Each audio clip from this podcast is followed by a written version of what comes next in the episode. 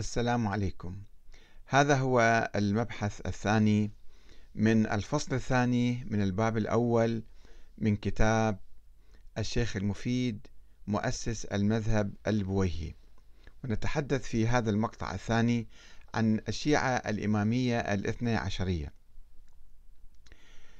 في الوقت الذي اختار الحسنيون والزيدية الطريق الثوري السياسي العسكري من أجل إسقاط النظام العباسي والحلول محله اختار جناح آخر من العلويين بزعامة الإمام محمد الباقر الذي توفي سنة 114 وابنه الإمام جعفر الصادق توفى سنة 148 والإمام موسى الكاظم توفى سنة 183 اختار هؤلاء الأئمة الطريق العلمي والسلمي في بناء قاعدتهم الشعبية وعرف هؤلاء الأئمة بال وعرف شيعة هؤلاء الأئمة بالإمامية نظرا لإيمانهم بنظرية الإمامة الإلهية والنص الجلي على الإمام علي بالخلافة بعد الرسول واستمرار الإمامة في ذريته إلى يوم القيامة.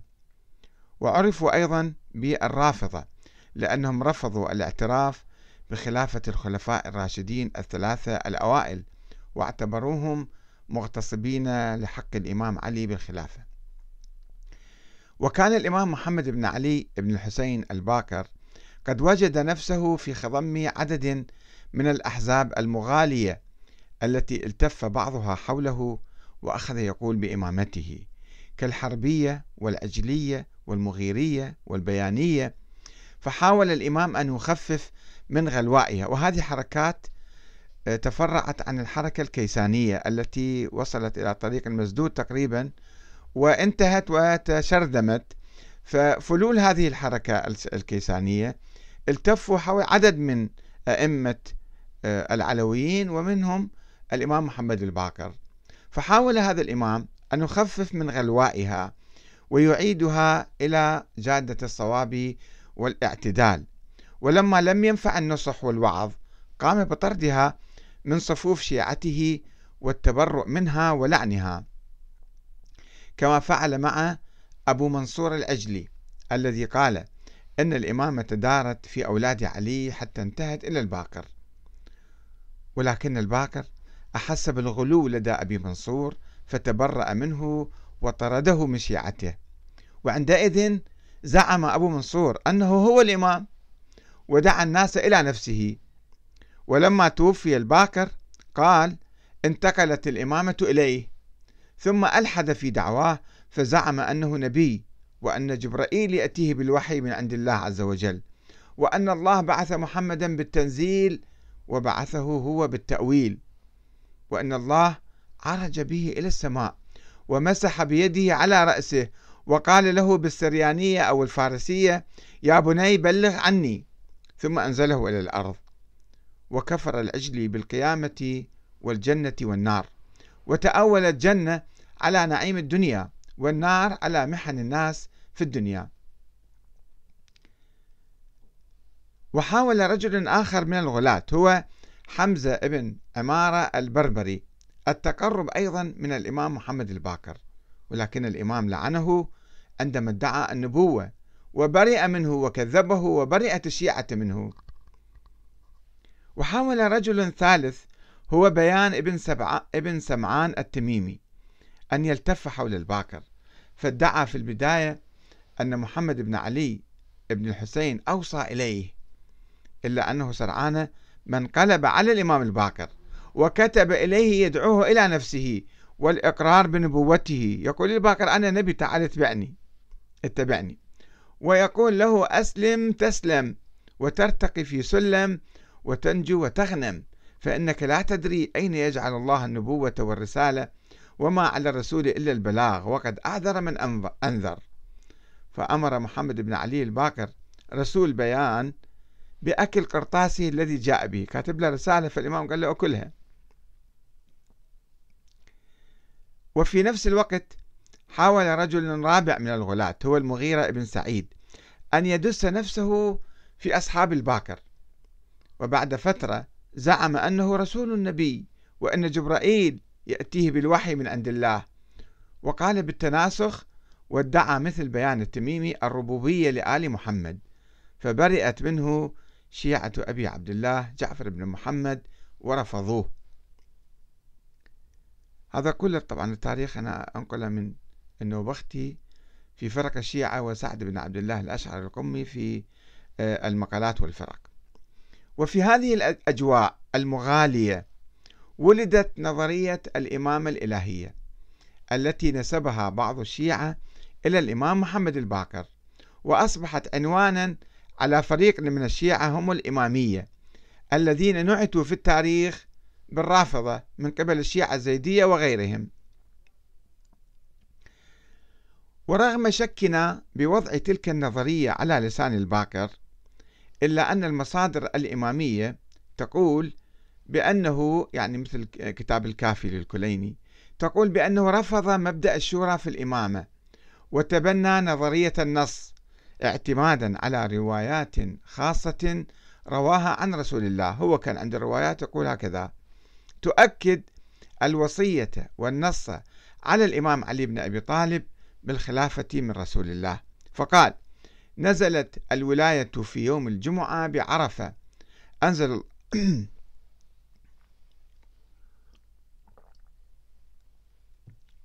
معذرة. عفوا. آه، فقال آه، أنزل الله الولاية آه، يوم الجمعة بعرفة. فأنزل الله تعالى اليوم أكملت لكم دينكم وأتممت عليكم نعمتي. وكان كمال الدين بولاية علي بن أبي طالب.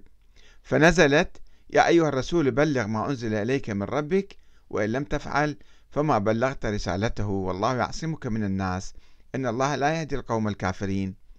فأخذ رسول الله صلى الله عليه وآله بيد علي فقال أيها الناس إنه لم يكن نبي من الأنبياء ممن كان قبلي إلا وقد عمره الله.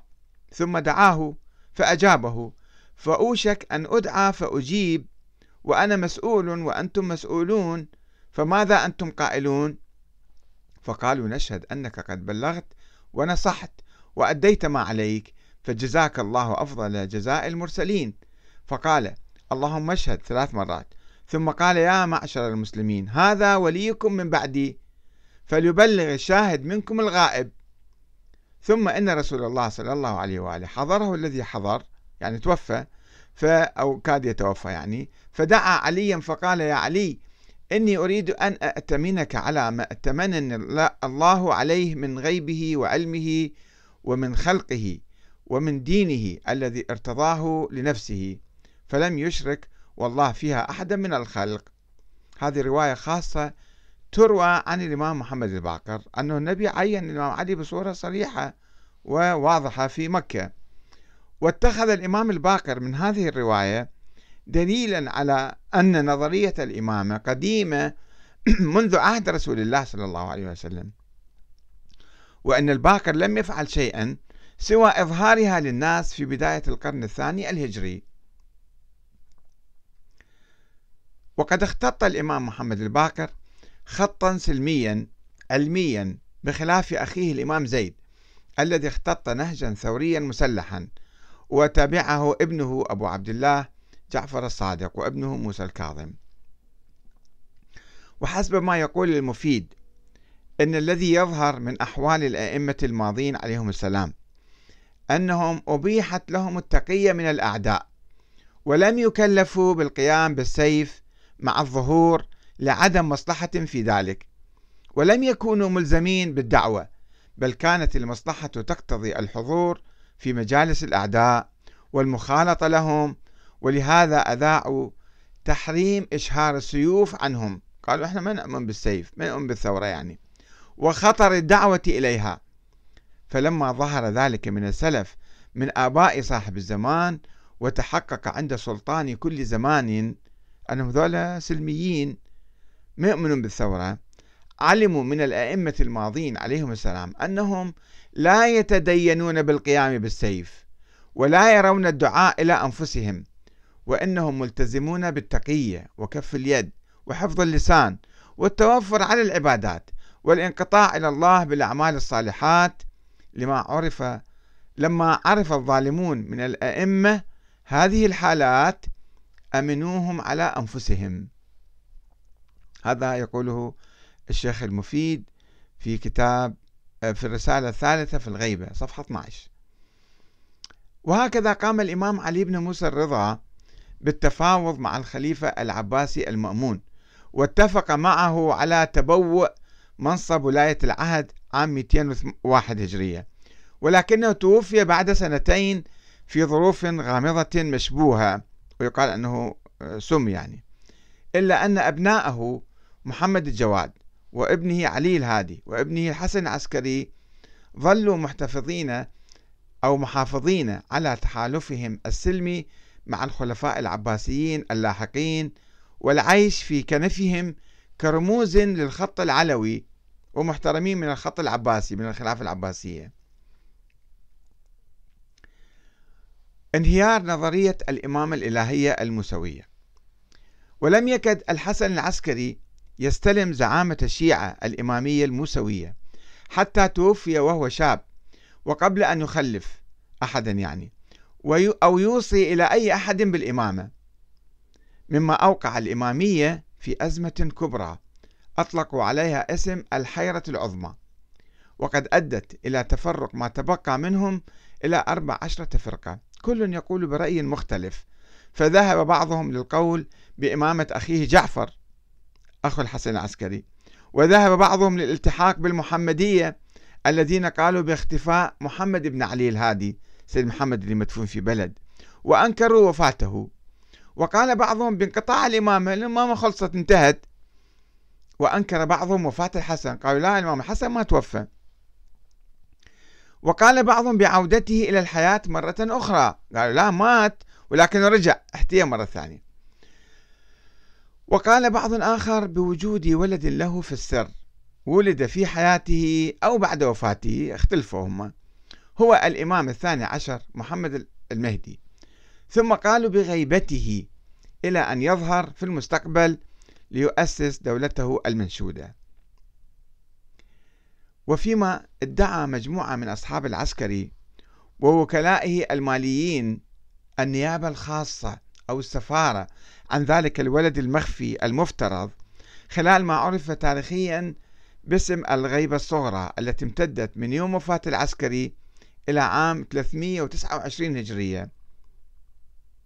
وبغض النظر عن المناقشة في حقيقة ولادة ووجود ذلك الإمام الغائب فإن نظرية الإمامة الإلهية بالخط الموسوي يعني وصلت بذلك إلى طريق مسدود وانتهت عمليا بعدم وجود إمام ظاهر من سلالة الحسين منذ ذلك التاريخ.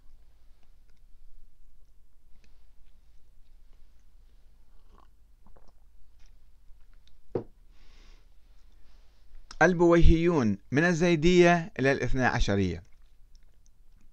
انبثق من بين فلول الحركة الزيدية في طبرستان ثلاثة إخوة من أبناء أبي شجاع بويه هم علي والحسن وأحمد. وخرجوا ليسيطروا على بلاد فارس كلها ويؤسسوا الدولة البويهية في ظل الخلافة العباسية من عام 321 إلى عام 447 وترافق ظهورهم مع تدهور الوضع الأمني والسياسي في عاصمة الخلافة بغداد. بفعل سيطرة الجنود الأتراك وصراعاتهم وتلاعبهم بالخلفاء العباسيين. وهذا ما دفع الخليفة المستكفي عبد الله ابن المكتفي أحمد ابن المعتضد للاستنجاد بالبويهيين ليخلصوه من سيطرة الأتراك. فلبى نداءه أحمد أحد هؤلاء الأخوة الثلاثة الذي دخل بغداد في الحادي عشر من جمادى الثاني سنة 334 فرحب به الخليفة ولقبه بمعز الدولة. ولقب أخاه الأكبر علي الذي كان يحكم شيراز بعماد الدولة. وأخاه الثاني الحسن الذي كان يحكم الري بركن الدولة. وبما أن بني بويه كانوا زيدية فقد أراد أحمد ابن بويه بعد احتلاله بغداد نقل الخلافة إلى الإمام أبي الحسن محمد بن يحيى الزيدي. لكنه عدل عن ذلك وفضل التعايش مع العباسيين بسبب الخوف من ردة فعل الجماهير السنية المؤيدة للخلافة للخلافة العباسية كما يقول البيروني بأن زعماء الأمصار قد اعتادوا الدولة العباسية ودانوا بدولتهم وأطاعوهم طاعة الله ورسوله وأرادوهم أولي الأمر. فلم يقبلوا بأن تتحول الخلافة إلى زيدية. وكذلك بسبب الخشية من سيطرة الأئمة الزيدية على السلطة إذا سلموهم البويهيون سلموا السلطة للزيدية فسوف ينقلبون عليهم ويطردوهم والانقلاب على البويهيين هذا أيضا أحد العوامل التي آه، منعت آه، معز الدولة من إعلان الدولة الزيدية. ويقال أن الوزير أبا جعفر الصيمري نصح الأمير البويهي بعدم تنفيذ تلك الفكرة يعني تسليم السلطة للإمام الزيدي. قائلا له إذا بايعته استنفر عليك أهل خراسان وعوام البلدان وأطاعه الديلم ورفضوك وقبلوا أمره فيك. هو يجي يقيلك مثلا أو يقتلك. وكما يقول ابن, ابن الأثير انصبت نصائح الخاصة لأحمد بن بويه بالامتناع عن تغيير الخلافة العباسية. فاليوم مع خليفة عباسي تعتقد أنت وأصحابك أنه ليس أهلا للخلافة ولو أمرتهم بقتله لقتلوه مستحلين دمه. ومتى أجلست بعض العلويين خليفة كان معك من يعتقد أنت وأصحابك صحة خلافته فلو أمرهم بقتلك لفعلوا. فأعرض عن ذلك. وهنا قام البوهيون بالتحول نحو دعم الفرقة الاثنى عشرية وتبنيها من أجل استغلالها في مواجهة الخلفاء العباسيين ومنافسيهم الفاطميين والزيدية. ولم يلبث معز الدولة أحمد بن بويه حتى قام بالحجر على الخليفة المستكفي بالله ثم خلعه من الخلافة وألقى به في السجن حتى مات. وبايع بدلا منه المطيع لله الفضل ابن المقتدر في نفس السنة. ولم يحظى هذا الخليفة من أمر الخلافة سوى بالخطبة يوم الجمعة وكان خليفة بالاسم فقط إلى أن استقال لصالح ابنه الطائع لله عبد الكريم سنة 363 ولم يملك الطائع أيضا من أسباب السلطة شيئا وإنما كان يقوم كسلفه بتفويض السلطنة والسلطة عموما يعني بصورة رسمية إلى أمراء بني بويه واحدا بعد آخر. ومع ذلك فإنه لم يسلم على نفسه ومنصبه حيث قام أمير بويهي آخر وهو بهاء الدولة فيروز ابن عضد الدولة بإلقاء القبض عليه وأجبره على الاستقالة عام 381 هجرية وعين مكانه القادر بالله. أحمد بن عباس ابن المقتدر اللي استمر بالخلافة حتى 422 وقد ولد الشيخ المفيد بعد سنتين من هيمنة الأمراء البويهيين على عاصمة الخلافة العباسية بغداد عام 334 ونشأ في خضم تلك التيارات الفكرية السياسية الزيدية والإسماعيلية والعباسية. السنية والمعتزلية والمتصارعة فيما بينها أيضا. وتبنى الشيخ المفيد نظرية الإمامة الإلهية الاثنى عشرية وانصب جهده نحو إثبات وجود الإمام الثاني عشر محمد بن الحسن العسكري وتبرير غيبته الطويلة. وخاض جدالات طويلة مع مختلف الفرق السنية والشيعية كالزيدية الجارودية الذين كانوا يؤمنون بالنص على الإمام علي والحسن والحسين فقط يعني وبقية مفتوحة الإمامة. والمعتزلة وأهل السنة من الحنابلة والأحناف والأشاعرة بيد أن الشيخ المفيد لم يكن يجادلهم بهدف تطوير فكرهم السياسي نحو الشورى وحق الأمة في اختيار الإمام وإنما كان يقتصر على الرد عليهم في بعض المسائل الفقهية والفلسفية والتاريخية.